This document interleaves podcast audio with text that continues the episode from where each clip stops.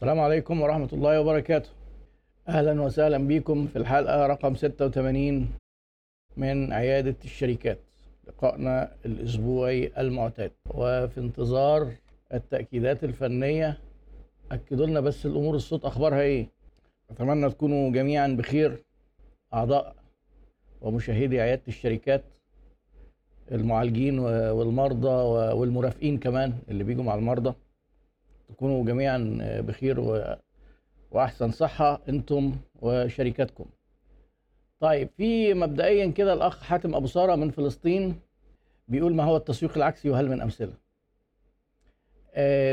الموضوع بتاع التسويق العكسي ده أه، معناه إن هو المعتاد إيه؟ إن إحنا كمسوقين وكبياعين بنبقى دايما بنحاول نعمل المبادرة الأولى وإن إحنا نجتذب العملاء لكن لو قدرنا نعمل حاجة تخلي العملاء هم اللي يبحثوا عننا وهم اللي يجوا لنا وهم اللي يدوروا علينا آه، يبقى ده آه، اسمه التسويق العكسي. وده طبعا يعني وفي حاجة شبهه كده اسمها الإنباوند ماركتنج إنك تخلي الناس هي اللي تهتم وهي اللي تتواصل وهي اللي تطلب منك و آه، المنتجات بتاعتك. فده ببساطة التسويق العكسي. هو يعني يعني بص هو في شوية مصطلحات كده في التسويق أنا شايف إنها مش واقعية وفيها يعني حتة فزلكة كده برضو. لأن إحنا بدل ما نقول التسويق العكسي ما إحنا بنقول ال promotion وبنقول إن إحنا بنعمل magnet وبنعمل funnels والناس تعمل inbound الناس تتصل بينا الأول. يعني مش لازم نقعد نسمي الحاجة كذا اسم. آه، غاويين بقى ال- الايه في بعض الناس غاويين كده يدونا كمية مصطلحات مع إن المعاني بتكون واحدة يعني. آه، شريف عاطف بيسأل سؤال ظريف برضه. لو طبقت رأي حضرتك لو طبقت قاعدة باريتو مع الموظفين الكسالى أمشيهم وأجيب غيرهم وهكذا. هو طبعا باريتو اتشهر دلوقتي إحنا اتكلمنا عنه كتير وقاعدة باريتو اللي هي 80 20 80 20 80% من الحاجات بتيجي من 20% من الأسباب. هي أي حاجة فيها cause and effect 80% قلنا من مبيعاتنا بتيجي من 20% من العملاء. 80% من الأخطاء بتيجي من 20% من الأسباب. الأرباح كذلك المنتجات كذلك. 80 20 دي شغالة في كل حاجة. هتلاقي فيه في الموظفين آه، بيختلفوا في الأداء. بس يعني مش مذكورة في ال HR قوي. يعني مش لدرجة إن يبقى 20% من الموظفين بيعملوا 80% من الشغل. دي تبقى مشكلة جامدة جدا في الأداء. آه، اللي عمل حاجة شبه اللي أنت بتقول عليها الراجل اللي اسمه جاك ويلش يعني ويلقب بأفضل مدير في القرن العشرين لأنه كان بيدير شركة كان المدير التنفيذي أو ال CEO لشركة جنرال إلكتريك الراجل ده عمل كذا حاجة ثورية في الإدارة آه، وهو مش أكاديمي خالص وما مرش على الأكاديمية يعني وكان حاطط هدف وعرف يحققه. عشان كده العالم احترم جدا كل الحاجات الثورية اللي عملها. من ضمن الحاجات اللي عملها في ال في الاتش ار إن هو قال إحنا هنقيم الموظفين عندنا في الشركة تقييم موضوعي وشفاف وعادل ويبقى كل واحد عارف إزاي هيقيم. وهنيجي آخر آه، آه، السنة هنشوف أسوأ 10% من الموظفين هنمشيهم ونجيب بدلهم 10% تانيين. وبعد كده آه، فاضل كام؟ 90% ال 90% دول قسمهم 20 و70 ال 20 دول هيترقوا اللي هم أفضل 20 يعني أسوأ 10 هيمشوا يجي بدلهم. أفضل 20 هيترقوا فوق وال70 اللي في اللي أدائهم في النص اللي هم إيه 70% من الموظفين اللي أدائهم ولا هو وصل إن هو يبقى سيء جدا من العشرة اللي تحت ولا ال20 اللي فوق دول هيحصلوا على تدريب. تمام؟ الكلام ده اتعمل كمان على كل المستويات. يعني هو مش مش مثلا على مستوى الإدارة المتوسطة بس ولا الإدارة اللي هي الايه ال middle وال lower وال upper management الثلاثه يعني هو مشى رؤساء مجالس إدارات شركات أو اللي هم السي أوز بتوع شركات مديرين تنفيذيين لبعض الشركات مشى ناس من المستوى اللي قبل اللي تحت كده والمستوى اللي تحت كده. الكلام ده آه، ممكن في ناس يقولوا ده ما ينفعش يتطبق في السوق اللي يتطبق وأنا طبقته في شركات مصرية.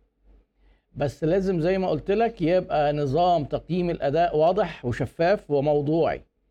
ما يجيش إيه بالمزاج أصل ده فلان ده وحش لأنه مثلا مش بيحليط. لا يبقى معروف كل واحد بيعمل إيه ويقيم أداؤه في اللي بيعمله ويتعمل بقى أوزان وال KPIs والحاجات اللي هي الحاجات المحترمة دي. ما نعملش تقييم أداء كده بالكفتة. حصل إيه نتيجة هذا الشيء بقى اللي عمله؟ طلع إن حتى بعد ما نطبق الموضوع ده اولا كان في مديرين عنده اعترضوا. لأن الشركة دي شغالة في آسيا وشغالة في العالم كله وأمريكا وأوروبا. فالناس بتوع آسيا قالوا له كده أنت بتحكم على الشركة بالفشل والمديرين عندنا في في الثقافة الآسيوية العمل الجماعي والناس بيحطوا صورهم في الشركات في البيت مش بيحط صورة أسرته إن هو يترفد ويمشي من الشركة دي هتبقى مشكلة.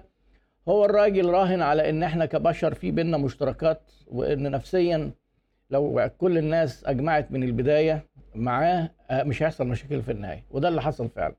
راح وعمل اجتماعات مع الناس في, في, آسيا وقال لهم هنشوف أسوأ ناس ونمشيهم. الناس اقتنعوا وتحول الموضوع بعد كذا سنة إن أسوأ 10% موجودين بيخرجوا من شركة جنرال الكتريك الشركات بتقعد مستنياهم علشان تعينهم لأن مستواهم بيبقى عالي جدا. هو كده حول الشركة بتاعته إلى كأن حصنه بيجروا في سبق ودايما بيجروا بسرعة عالية جدا. فأبطأ 10% برضو دي حصنه آه، يعني تفوز في في في سباقات أخرى. زي ما تيجي تقول كده مثلا إيه مدرسة للمتفوقين. آه اللي هو طالع الأخير في المدرسة جايب 99% ما هو البليد في المدرسة دي ممكن يكون أشطر من أشطر واحد في المدارس العادية. هو ده اللي عمله يعني. فلو أنت قدرت تعمل تقييم كويس وتدي للناس فكرة من البداية وتخليهم يجمعوا معاك على هذا النظام وت...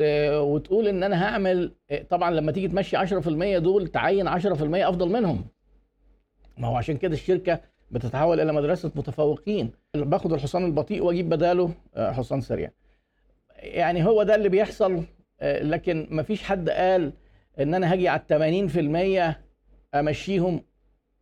يعني قاعدة 80 20 في ال HR يعني إيه ما مش للدرجة دي. أنت لو عرفت كل سنة تستبدل ال 10% يبقى أنت كده عملت آه عملت شيء عظيم يعني. آه وأنا من تجاربي مع شركات مصرية الأمور نجحت ولما كان التقييم موضوعي فعلا اتكشف مين اللي بيهنبكوا ومين اللي بيشتغلوا حقيقي. فكانوا الناس اللي هم متصدرين المشهد كأن هم اللي بيعملوا أفضل حاجة. لما اتعمل تقييم موضوعي طلع إن أدائهم تعبان. مش دراسة علمية يعني اللي أنا هقوله لك ده يعني إيه؟ دايما اللي فاكر إن هو كده ما بيعملش حاجة وبيتظاهر إنه بيعمل بيكتشف إن هو في, في التقييم ده بي إيه؟ بيكتشف إن هو أي كلام وممكن يمشي عادي. وبعدين هنيجي بقى الموضوع إيه؟ قطع الأرزاق. كان لما جيت أنا أعملها في شركات يقول لك الناس وهنمشيهم وهنرفضهم طبعا أنا إيه؟ غير مقتنع بل على العكس. إحنا لا نرزق ولا نقطع الأرزاق وفي ال... وإنك أنت تمشي السيئين أنت بتفتح باب رزق اللي كويس لواحد كويس قاعد مش لاقي شغل. مفيش مفيش حاجة اسمها قطع أرزاق. مفيش حاجة اسمها قطع الأرزاق. حرام. الكلام الفارغ ده. وإحنا عاملين عيادة الشركات عشان نعالج الكلام ده. وعلى ذكر المقولات اللي هي الخرافيه اللي فيها خرافات دي. في بوست حاليا على عيادة الشركات آه، حد بيقول إيه عايزين يعني نشوف الأمثال المتداولة اللي بتساعدنا في إدارة الشركات. ما هو من ضمنها قطع الأرزاق حرام. ففي ناس كاتبين كلام جميل جدا. في ناس كاتبين كلام جميل جدا وفي ناس كاتبين كلام ماشي مع الخرافات اللي أنا بحاربها. فيعني أنا برضو إيه دخلت علقت لهم كده إن خلي بالكم مش كل الكلام اللي موجود آه معظمه جميل بس في حاجات إيه ميعاد ليه ميعاد البث بيتغير؟ ما بيتغيرش خالص يا حسن. هو الميعاد الساعة آه، الساعة 9 يوم الأحد. ما اتغيرش خالص. طبعا لو أو في حد كاتب عمرو عياد بيقول هل في نموذج تقييم نقدر نسترشد بيه؟ في حاجات وفي template تقدر تجيبها من جوجل. وفي طريقة في التقييم اسمها KPIs اللي هي ال key performance indicators وفي حاجة اسمها 360 اللي هو التقييم 360 درجة. إن يقيم إن كل واحد يقيمه زملائه ورؤسائه في العمل ومرؤوسيه في العمل. 360 درجة اللي هي مركز الدايره حواليها 360 يعني. ولو كان بيحتك بعملاء يقيموا له عملاء بيحتك بموردين بي يعني يعني هي في طرق كتير للتقييم. وال KPIs هي يعني من دلوقتي بقى بيستخدموها 70% من الشركات الكبيرة. والنسبة دي قد تكون زادت لأن دي دراسة قديمة. فأنا إيه هي دي الطريقة اللي يعني أنا بحب الشركات تعملها يعني. من فلسطين بنمسي عليك أخ محمود أبو فرح أهلا بيك. كيف نبدأ بترويج منتج جديد جودة مع وجود منافسين جودة أقل طب خلاص كويس جدا. آه ما دام المنتج الجديد ده جودته أعلى أنت هتظهر هذه الميزة. وإحنا قلنا إن الترويج ده بنبدأ نعمله بعد ما نوجد القيمة. فأنت وجدت قيمة أهو. الناس اللي بيدوروا على الجودة أنت هتجتذبهم بتوع السعر لا لأن غالبا هيبقى سعرك غالي. آه، وتحاول تبعت رسائل للناس تعكس الميزة التنافسية اللي عندك دي. ده شيء جميل. هي الصعوبة دايما في الشركات إن هو عايز يفتح كده وبعدين يعمل إعلانات. ولا هو لسه فهم السوق ولا عارف هو ميزته إيه ولا هيبيع ليه و... ولا عارف يجاوب على سؤال طب ليه ما ناخد منك ما ناخدش من الناس التانيين؟ وبعدين يقول لك بعمل إعلانات وما تجيبش نتيجة والفيسبوك بقى غالي والفيسبوك ما بيشتغلش. هو آه بقى غالي وبقى شغله أقل مش لأن مش ما بيشتغلش لأ. بقى في منافسة زي أي حاجة في الدنيا. يعني سنة 2011 أو 2000 2010 لما بدأت أنا أحتك بإعلانات الفيسبوك. كان أي حد بيعمل أي حاجة على الفيسبوك كان بتجيب نتيجة كويسة جدا بأسعار قليلة جدا. ولحد 2014 و15 كانت كده. لكن دلوقتي الموضوع بقى مختلف. وهو بيسعر بطريقة ال auction اللي هو إيه ما يشبه المزاد يعني اللي شبه كده شبه التسعير بتاع اوبر مثلا. لما يبقى فيه عربيات قليلة والطلب كتير السعر الرحلة بيزيد. هو نفس الكلام. معلنين كتير في الموسم سعر الإعلان بيزيد. اسلام رمضان الموضوع اللي عامل قلق بقى للشباب من الجنسين اونلاين الضرايب اللي هياخدوها مننا لما هنبيع اونلاين هنعمل إيه في الموضوع ده؟ أنا عايز افهمكم حاجة رغم ان هو ده قرار يبدو ان هو جديد.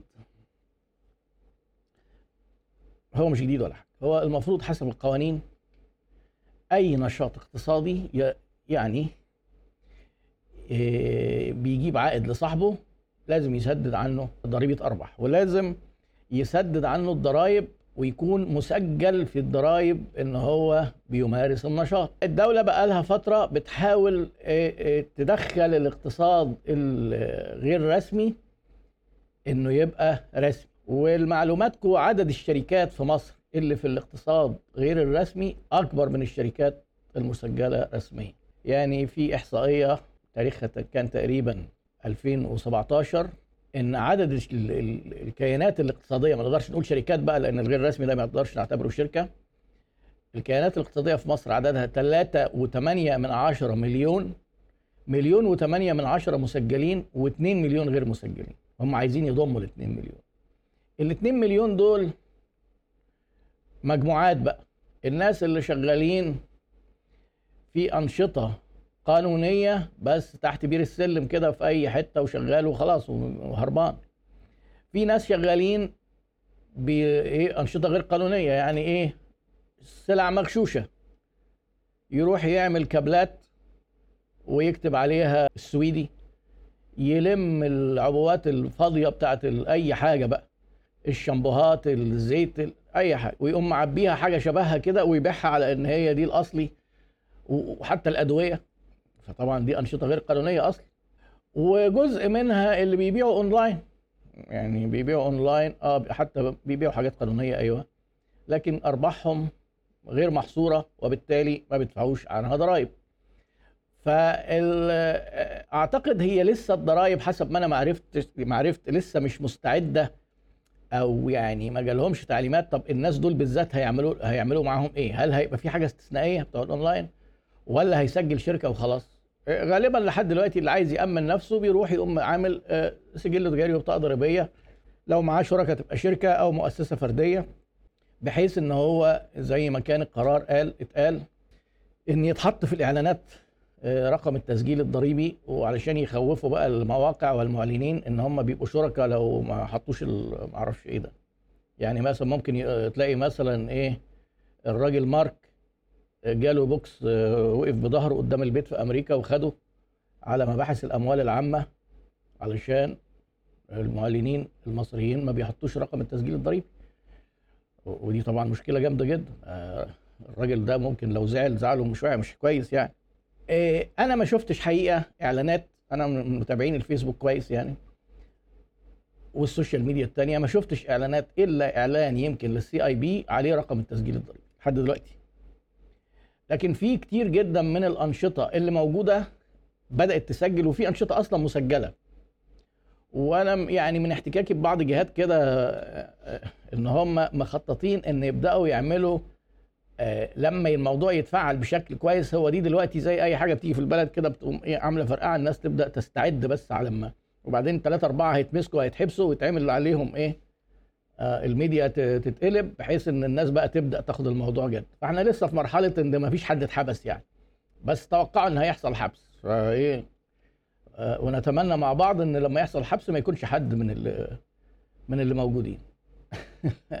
أنا عن نفسي عندي شركة ونشاطي كتدريب واستشارات بقى مسجل. فيعني آه، يعني صحيح ده ما يمنعش إن البوكس بيجي لأي حد بس يعني أنا على الأقل هبقى إيه مش هتحبس كتير يعني لو انت عايز تبقى مطمن اعمل ورق ببساطة وعندك الورق تكلفته ما بقتش كبيرة من أول بقول لك مؤسسة فردية آه، شركة توصية بسيطة توصية بالأسهم شركة تضامن أو شركات أموال آه، شركة شخص واحد شركة ذات مسؤولية محدودة شركة مس... يعني حسب بقى حجمك? لأن أنت بتعلن ولو دخلنا لأن أنت موضوع التهرب الضريبي ده مشكلته إيه؟ إن هو بيعتبرك إنك أنت أجرمت ودي قضية كبيرة وبعدين علشان يتصالح معاك أو يتنازل عن هذه القضية أو التهمة بيبقى التقديرات بتبقى عالية جدا فيعني أفضل إنك تكون مأمن نفسك يعني. آه آه بالنسبة لتحليل الصوت الأخ مين؟ عبد الحق عيد آه والناس قاموا حاطين أسئلة قام طاير بالنسبة لتحليل الصوت سمعت من أكثر من مصدر علمي ذات مصداقية إضافة للدكتور طارق السويدان. أيوه أن الفرص والتهديدات في العيان لا لا لا لا ما هو طبعا أنا سمعت الكلام ده من الدكتور طارق. أنا ليس آه، لي تواصل مع الدكتور طارق السويدان مباشرة ولكن بينا أصدقاء مشتركين. و... و... وناس حضروا معاه وحضروا معايا. وطبعا الدكتور طارق يعني آه، أكبر وأقدر وأعلم من إن هو يبقى فيه شبهة إن أنا بنتقد آه، علمه شخصيا.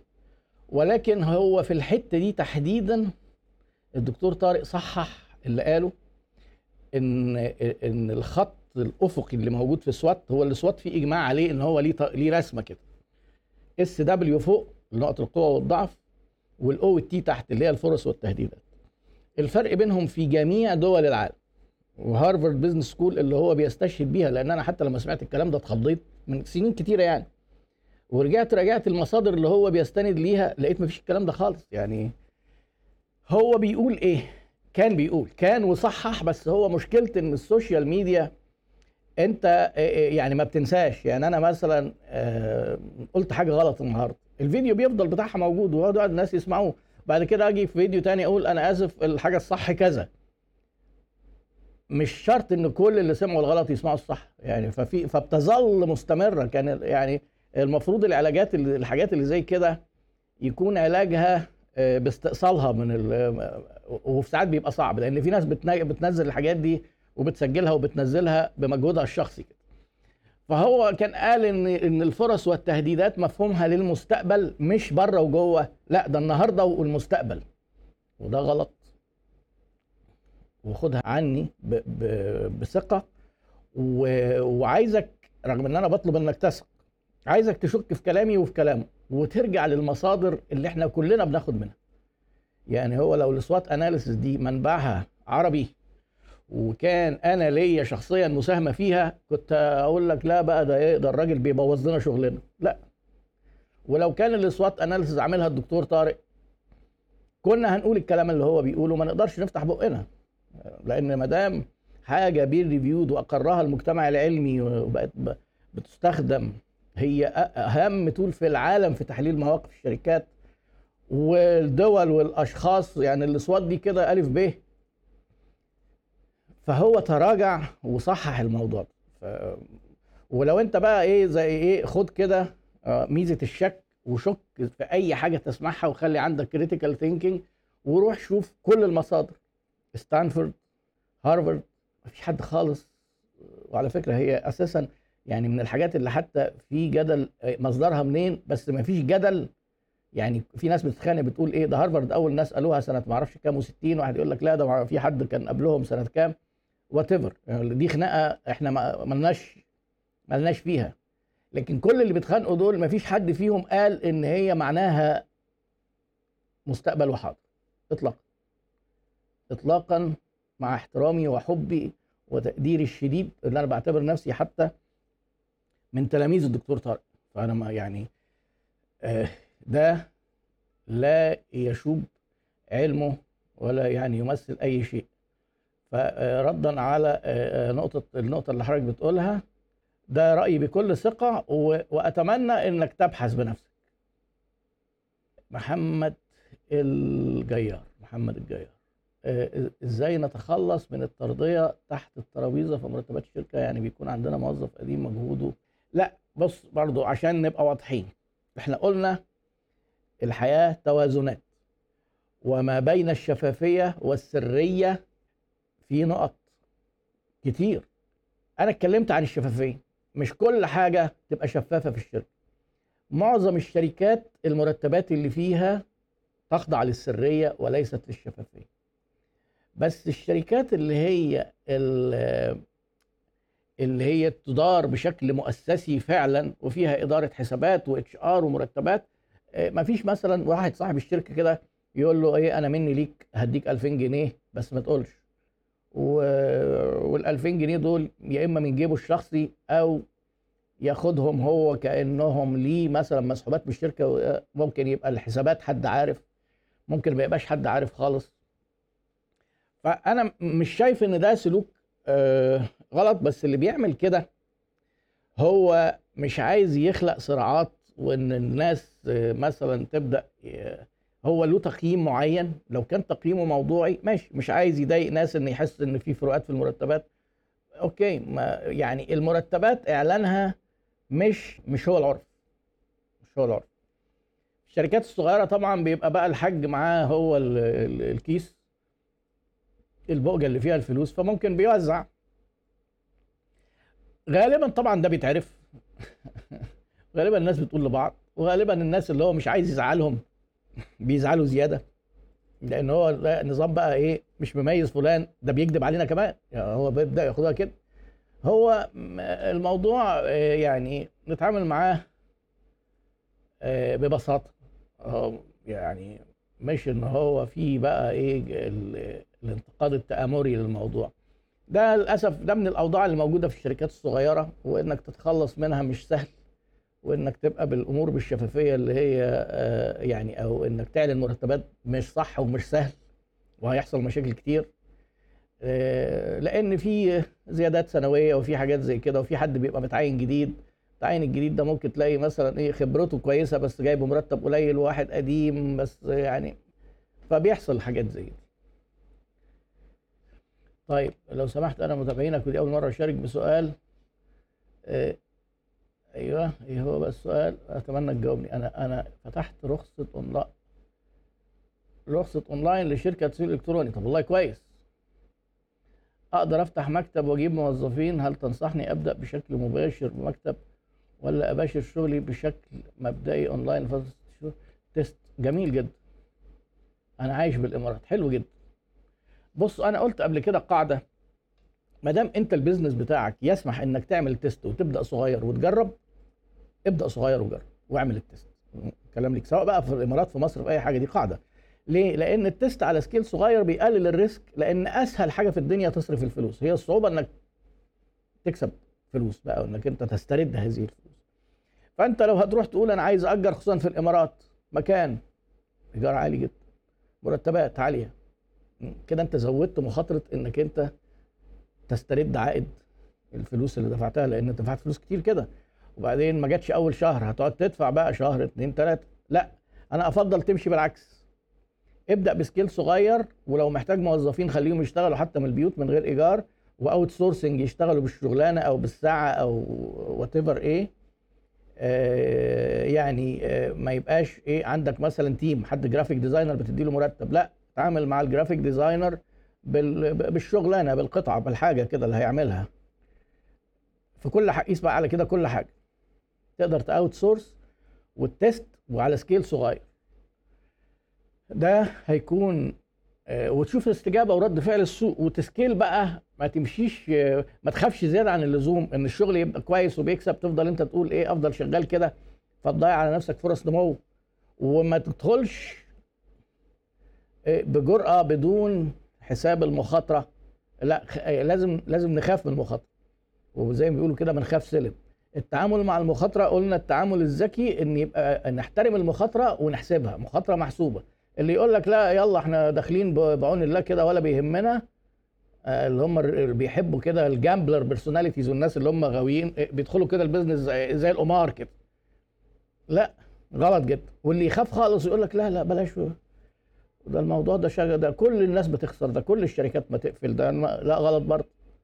ولو انت من النفسية دي أفضل لك وإلا هتتعب أعصابك جدا. أفضل لك إنك أنت ما تفتحش بيزنس بقى يعني ما مش كل حد مؤهل نفسيا إنه يعمل الكلام ده وياخد مخاطرات بالشكل ده. فالأخ كده إيه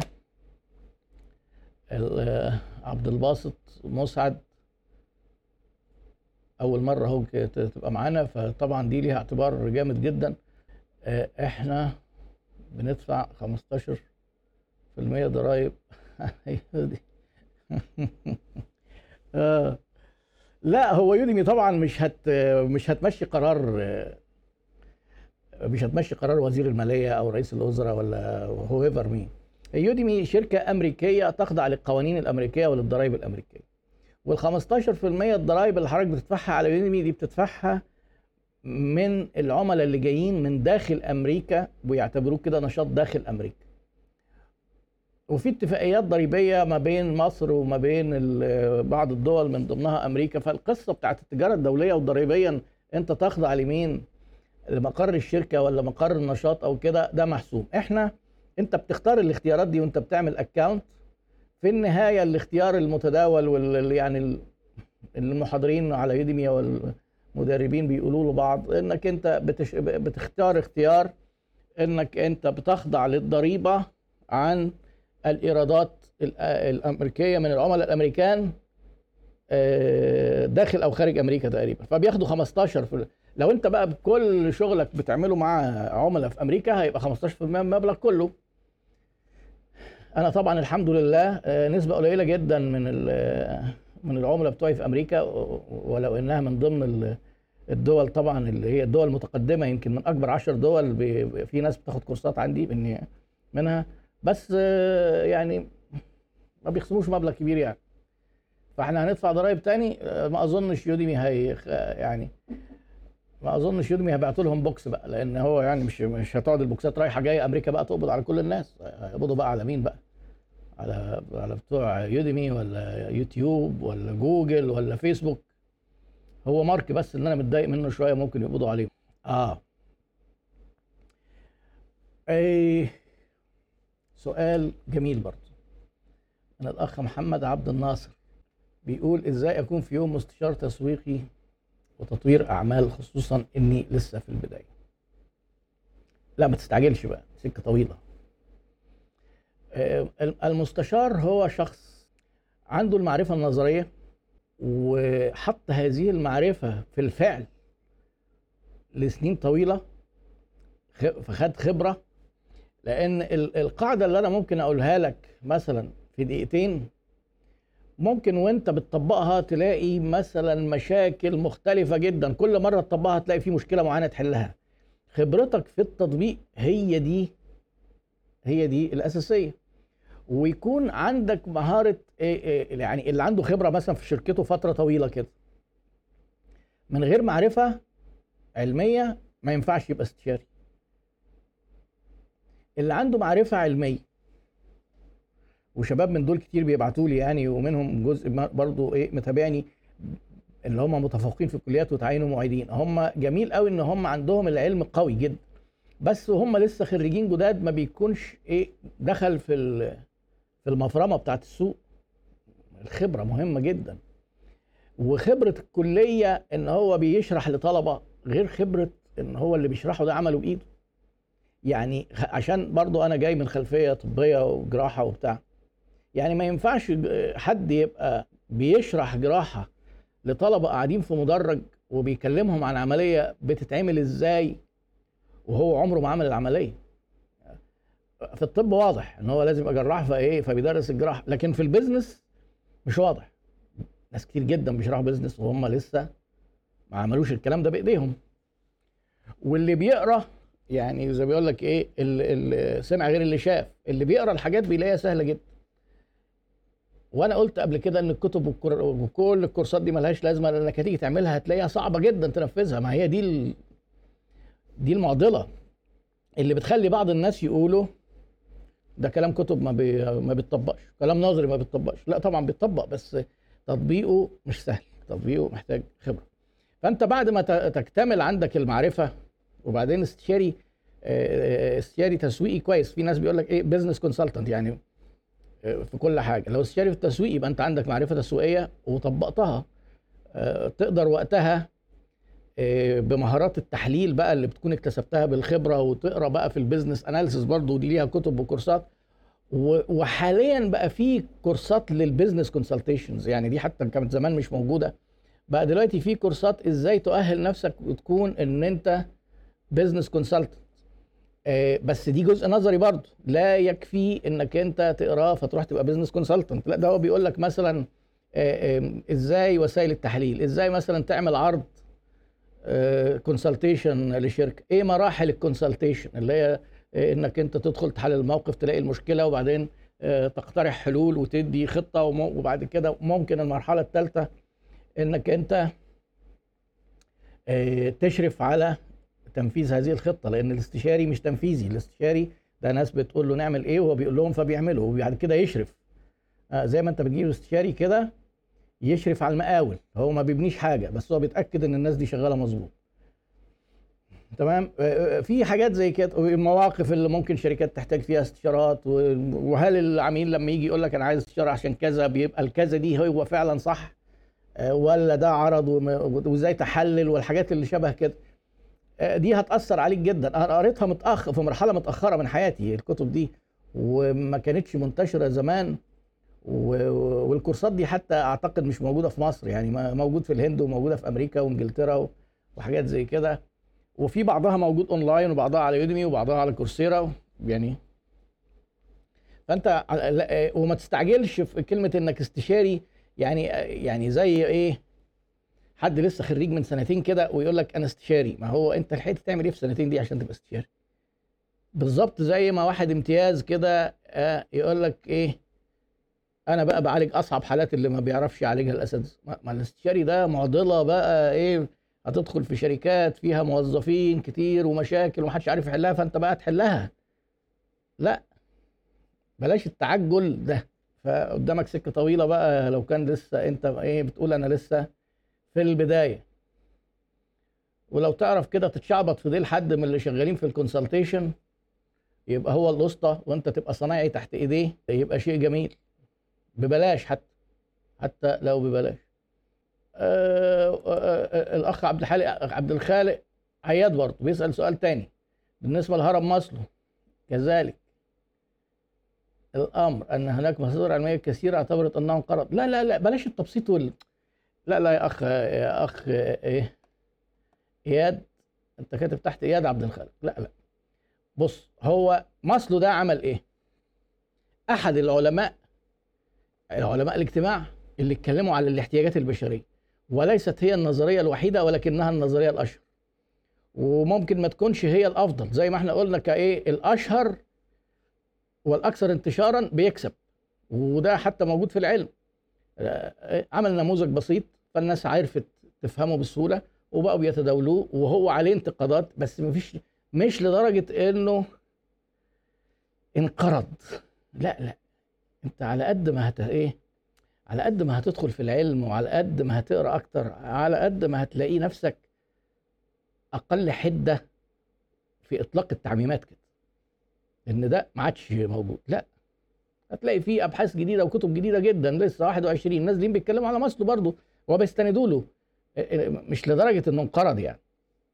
بس تيجي تقول لي أصل في ما أعرفش حاجات تانية في حاجات تانية في الإيه في النيدز. في طبعا. آه طبعا. مش لازم تبقى آه، آه، آه، دايما أنت نظرتك أحادية كده اللي هو بيسموها ال binary bias في التفكير. ماسلو ده كويس؟ لا ماسلو ده اتلغى. ال binary اللي هو القطبية في التفكير. آه أو لا؟ لا هي المواضيع كلها حياتنا كلها gray حياتنا كلها درجات من الرصاص. وده اجتهاد بشري في علم من العلوم الإنسانية. ما هيش قواعد رياضية أو كيميائية أو فيزيائية والفيزيائية نفسها بيكتشفوا إنها غلط وبيتم تصحيحها فما بالك بالعلوم الإنسانية اللي هي بتدرس ظواهر إنسانية وكلها ما بتجيش من المعمل بتيجي من رصد سلوكيات البشر وتفسيرها ووضع نظريات لشيء موجود ف فالكلام ده أنا إيه يعني إيه بشكل عام يعني. كيف أشتغل بمجال التدريب؟ إيهاب خليل. كيف أشتغل في مجال التدريب بعد الحصول على TOT أو MBA كويس جدا. التدريب بقى محتاج نفس الحاجتين بتوع الاستشارات بالظبط بس يضاف إليهم حاجة ثالثه يعني لازم عندك المعرفة وعندك الخبرة وبعدين عندك حاجة ثالثه بقى اللي هي يمكن بيدوها في ال TOT بس هي محتاجة شغل جامد على نفسك عشان تتقنها. وهي تبسيط المعلومة وإنك يكون عندك مهارات تواصل آه، بدرجة عالية عشان تجذب المستمعين عشان تربط اللي بتقول اللي بتقوله آه، بتقوله لهم بالواقع وإزاي تستخدم لغة الجسد بقى والصوت والتشبيهات واحيانا الفكاهة والمرح واحيانا إيه حاجات عملية يعملوها بإيديهم علشان تنقل المعرفة. وعلشان تنقل المعرفة إن أنت آه، تقعد تتكلم بس كده مش كفاية.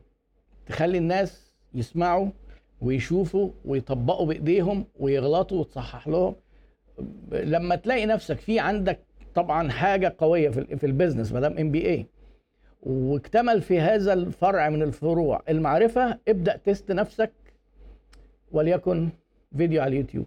وليكن تلم اصحابك كده وتقعد تشرح لهم حاجة. وممكن لقيت إن هم بيقول لك مقبول تقوم عامل كورس وتنزله على Udemy وليكن for free مش هيكلفك حاجة لأن Udemy بيستضيفوا الكورسات مجانا ما بيدف... بياخدوا بياخدوا نسبة لما يجي فلوس. لكن ما جاش فلوس خلاص ببلاش.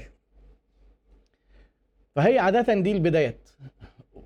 الحتة الثالثه دي لازم قبلها يبقى في الاثنين التانيين. ال MBA هتديك المعرفة النظرية وبعد كده تطبق وكده وت... إيه وتقابلك مشاكل وبعدين تبدأ تروح للناس تقول لهم تعالوا أما أعرفكم بقى الحاجة دي بتتعمل إزاي.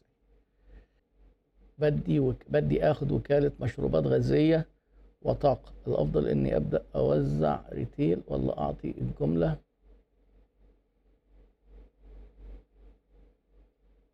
علما بأن عندي خبرة كبيرة كموظف وبدي أبدأ لحالي. وكالة مشروبات غازية. طب ما أنا محتاج أسألك كذا سؤال عشان أعرف أفيدك برضه. هل المشروبات الغازية دي معروفة ولا الوكالة دي أنت واخدها من بره وأول مرة تنزل الدولة؟ هل وكالة بمعنى توكيل كاستيراد ولا وكالة لمنطقة داخل دولة؟ يعني مثلا أنا لو فاتح مثلا في المنصورة ممكن آخد توكيل شوبس يبقى دي وكالة. أو وكالة شوبس في المنصورة. فأنا كده الموضوع مختلف عن إن أنا أبقى بجيب مشروب من بره كده حاجة كده إكس محدش يعرفها آه، هوزعها. آه، اللي أنا عايزك بس أقوله لك وأقوله برضو الجميع اللي معانا حاضرين. آه، ما يفرقش أنا معايا قوي تبدأ قطاعي تبدأ تنزل محلات القطاعي ولا تنزل الجملة نجاح هذا المنتج إنه يتباع ويتاخد من على الرف القطاعي. يعني نجاحك إنك توصله للسي للكونسيومر اللي بيست... بيشربه في الآخر. لو انت اديته للجملة عملت فرشة للجملة بلغة السوق يعني وبتوع الجملة عملوا فرشة المحلات القطاعي بتاعتهم واتحط في ال- على الرفف ولا في الثلاجات وما اتباعش بتوع القطاعي هيرجعوا لي بتوع الجملة وبتوع الجملة هيرجعوا لي سعادتك? واضح كده الموضوع؟ يبقى في عندنا العلاقة ماشية إزاي في حالتك؟ حاجة اسمها B to B وممكن ال B to B اللي هو إيه business to business أنت بتدي لمين؟ بتاع الجملة ده business to B تاني اللي هو بتاع الجملة بيدي للمحل القطاعي يبقى B to B to B القطاعي بقى بيروح يبيع to C لو ال C ده ما اشتراش كل البيهات دي ملهاش أي لازمة. فما تفرحش بفرشة السوق إن بتاع الجملة ياخد منك لأنه غالبا هيضغط عليك وممكن ياخد آجل. وهينزلها آجل وهتلاقي نفسك بعد كده إيه قاعد بتطلع بيانات وفواتير وبتلم البضائع دي كلها. واحيانا بتلمها متبهدلة وبتلمها بتواريخ صلاحية وقربت تنتهي أو انت يعني مشكلة كبيرة قوي. فأنت لو عايز يعني لو أنت مسؤول عن هذا ال brand وهو جديد هي دي. افرض بقى brand معروف وقلت لي بيبسي. خلاص ده أنت كده لو خدت توزيع منطقة فيها تجار جملة خليك مع تجار الجملة. هو هو ده إيه؟ ده التسلسل المنطقي والطبيعي. المصنع وكيل تاجر جملة تاجر قطاعي عميل. طب ليه بيبسي ما بتروحش تبيع الايه الإزازة بإزازة؟ لأن مستحيل. طبعا كانت هتكسب أكتر بس مستحيل. طب هل بيبسي تقدر تنزل بنفسها أو شيبسي لكل المحلات والاكشاك في بلد زي مصر؟ مستحيل برضه. ممكن تلاقيها واخدة مناطق لنفسها وده اللي حاصل فعلا ومناطق تانية بتدي آه، لوكلاء. طب هل تقدر تدي لكل تجار الجملة في مصر؟ مستحيل برضه انت لازم تبقى عارف ان ربنا خلقنا عشان نتعاون مع بعض وحلقات تكمل بعض. نجاحك كمصنع لا يعني خالص انك تطمع في مكسب بتاع الجملة لانك انت ما ينفعش تبقى مصنع وتتاجر جملة وتتاجر قطاعي وتفتح محلات. هي القصة كده. بص آه، الأخ يوسف خالد بيسأل سؤال. وهو طبيب أسنان. باين من اسمه كده يعني. الأخ يوسف خالد باين من اسمه إن هو طبيب أسنان. آه، بعد إذن حضرتك ما هي كيفية التسويق لتذاكر مؤتمر علمي؟ وما هي كيفية التسويق لجمعية علمية بداخل الجامعة؟ طيب هنفترض إن أنت هتعمل مؤتمر علمي مثلا لأطباء الأسنان في تخصص معين هنفترض مثلا إيه؟ في علاج الجذور في مؤتمر في التقويم مثلا. مين اللي هيهتم يحضر؟ ما أنت التسويق ده يعني إيه؟ التسويق ده أنت في سوق اسمه سوق ال events والمؤتمرات. المؤتمر ده لن ينجح إلا باكتمال إن إنك تنجح مع كل شرائح هذا السوق. أنت محتاج أول حاجة يبقى في عندك محتوى علمي اللي هيجذب الدكاترة. فعندك speakers قوية. خلي بالك أنا بتكلم على التسويق بمعنى إن إحنا ن create ال value أنت بتسأل ممكن على التسويق إن إحنا عايزين نبيع تذاكر مثلا أو عايزين ناس تيجي أو عايزين شركات. لا البداية إن يبقى المؤتمر يبقى معروف إن هو قوي عشان يجتذب الدكاترة. طيب لو الدكاترة دول جم ممكن أنت الدكاترة يدفعوا tickets فيبدأ يجي دخل للجمعية اللي هي منظمة. ولو الدكاترة دول جم أهم من ال tickets اللي بيدفعوها الشركات الأدوية والأجهزة الطبية اللي هتيجي تعرض علشان بالنسبة لهم دي فرصة ترويجية استثنائية. فلو أنت آه، عشان هتنظم مؤتمر خصوصا لو كان لسه جديد لأول مرة أنصحك تتعامل مع شركة متخصصة في تنظيم المؤتمرات العلمية لأن بالنسبة لهم الكلام اللي أنا بحكيه لك ده يعني إيه زي ما بيقولوا كده piece of cake يعني إيه عشان تعمل مؤتمر ناجح آه هنعمل كذا. هنجيب مين؟ آه من مصر أشهر حد في الحتة في التخصص ده فلان وفلان وهنجيب اتنين تلاتة خواجات من بره. خلاص الدكاترة كده هيلاقوا الخواجات اللي بيقروا أساميهم في الكتب دول هيجوا هيجوا لك جري. وطبعا الدكاترة بتحب تاكل وتتغدى وتعمل لهم أكل جميل. وشنطة جلد كده من اللي هي ما تفهمش ما لهاش أي لازمة بس بيحبوا قوي الشنط دي.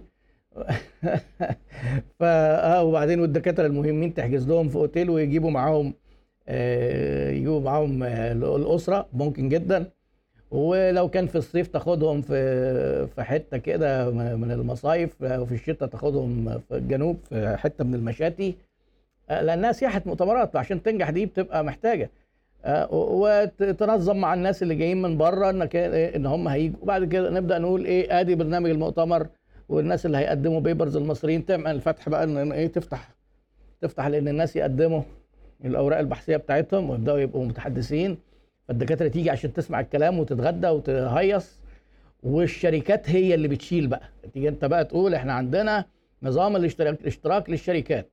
ادي الخريطة وآدي المساحة تاخد 3 متر ب 60000 جنيه. ممكن في الأول تبقى الأرقام يمكن أقل من كده شوية. آه محتاج مع كذا 80 100 150 200 والراعي الرسمي والراعي اللي معرفش إيه وتلم شوية ملايين. حلوة قوي من الموضوع ده. ولو ما نجحتش حضرتك هيبقى في خسارة فادحة برضه. ومش لازم أول دورة للمؤتمر تبقى إيه رابحة. لو انت تمثل الجمعية محتاج شركة.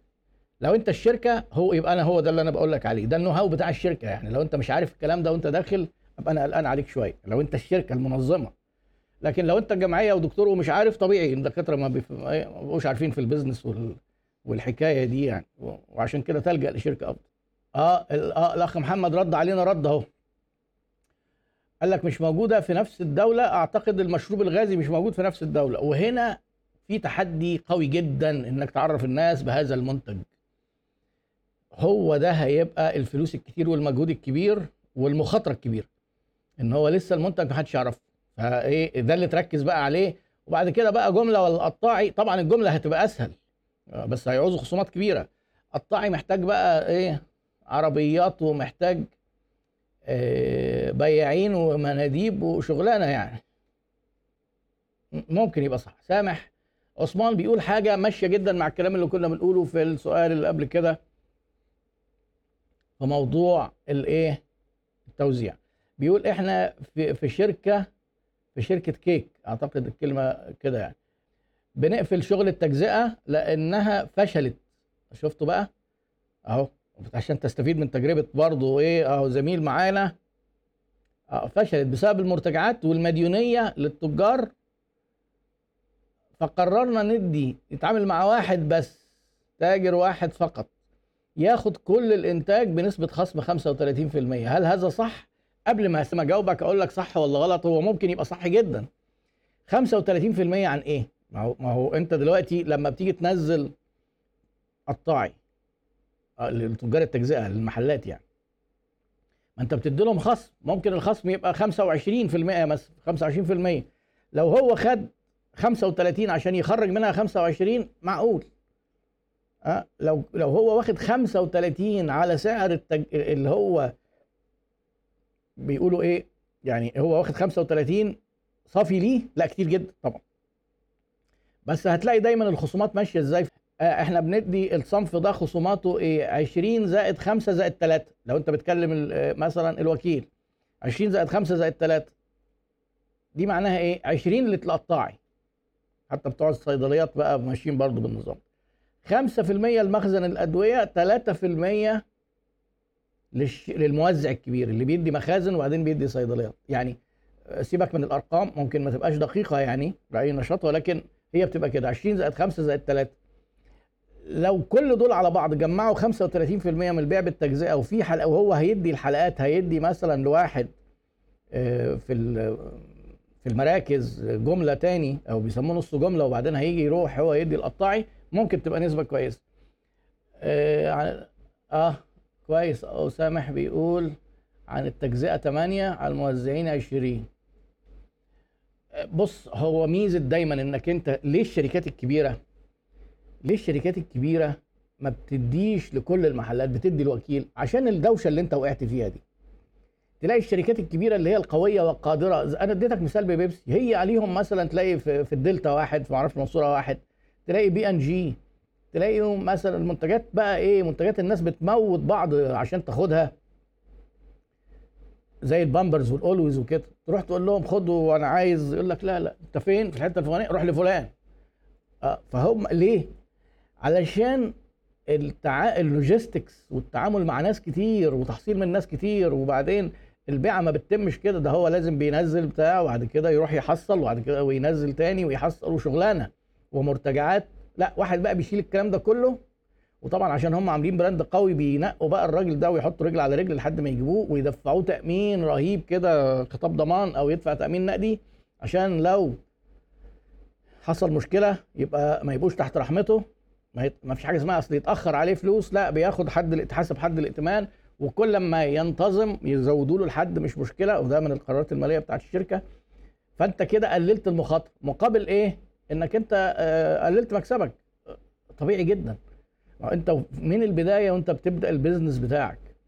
لو أنت مش عامل حساب الخصومات دي وده كلام أنا متكلم عليه في course التسعير وكذا حتة في الدبلومة يبقى أنت كده دارس ال business غلط.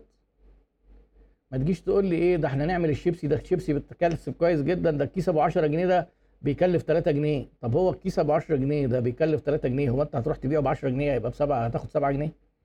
طب عملت حساب تكلفة النقل والتخزين؟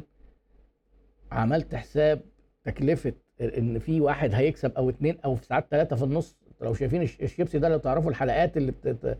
بتتناوله لحد ما يوصل فالدراسة كده يبقى فيها غلط وهو الطبيعي الطبيعي إن المصانع تتعامل مع وكلاء ثم جملة ثم نص جملة ثم قطاعي نادرا ما بيكون مباشر كده. شبراوي الإمام استخدام 99 بدل 100 آه، تسعير نفسي. آه طبعا إذا كان ده سؤال آه الإجابة في كلمة واحدة أيوه تسعير نفسي. 99 بتقنع الناس أحسن من ال 100 كتير. كيف آه، أستطيع اختيار مستشار جيد؟ اولا آه، حضرتك لازم تشوفي انت محتاجة مستشار في أي مجال لأن آه، أنا أتذكر اسم حضرتك من يمكن اللايف اللي فات كنت حضرتك بتقولي عندك مدرسة في الجزائر لم تخني الذاكرة. أحيانا الذاكرة بتلقط حاجات يعني. يبقى انت محتاجة ممكن استشاري في في الأنشطة التعليمية. والتعليم انت ممكن تكوني محتاجة استشاري أكاديمي علشان تدريب المدرسين والمناهج وال- ونقل المعرفة للتلاميذ وممكن تكوني محتاجة استشاري تسويقي ممكن تكوني محتاجة استشاري في في التشغيل وال- والإدارة ممكن استشاري موارد بشرية في تعيين المدرسين في ما هو موضوع الاستشاري يفضل تخصصه في حاجة اسمها vertical و horizontal اللي هو إيه؟ يكون فاهم في الصناعة بتاعتك لأن التطبيق جوه كل صناعة بيبقى له شوية خصوصيات هي قواعد واحدة بس يعني أنا لما أكون مثلا HR خبرة 20 سنة في المدارس بالنسبة لي أسهل جدا ما أكون HR شغال مثلا في فودافون. آه، هنا أنا طول عمري بجيب مدرسين ورؤساء أقسام وبجيب حاجات تعليمية ويعني إيه كلها وظائف ليها علاقة بمجال التعليمي. فأنا شارب الموضوع ده وهي دي الخبرة اللي ما ينفعش حد إيه يدعي إن ملهاش قيمة. أصل أنا درست HR لا يا حبيبي الخبرة ليها قيمة جامدة جدا وهي المعضلة في الخبرة. الكتب مليانة والكورسات مالية الدنيا. هي المعضلة في التطبيق والخبرة بقى وإنك أنت بتطبق وتطور نفسك باستمرار. فده كده يعني إيه ده رد على سؤال حضرتك وع- وعلى أي حد بيبحث عن استشاري في أي آه، مجال. وبرضه بيحضرني. بس هنا أنا برضه في ناس بعتذر لهم للأسف وقتي لا يسمح حاليا بقبول أي استشارات. وكنا بنقول مؤجلة نهاية شهر تسعة هي حاليا برضه آه، مع مد الالتزامات مع العملاء الحاليين آه، غالبا هتوصل لشهر 11 واحتمال لآخر السنة. لن أستطيع قبول عملاء استشارات جدد وأنا يعني ده شيء آه، ببقى متضايق. لكن شيء اضطراري بيحكمه مورد لا يمكن شراؤه ولا تجديده اسمه الوقت للأسف يعني. سعدت بيكم وأتمنى أكون أفدت. نلتقي على خير الأحد القادم 9 مساء في الحلقة 87 من عيادة الشركات. شكرا والسلام عليكم ورحمة الله وبركاته.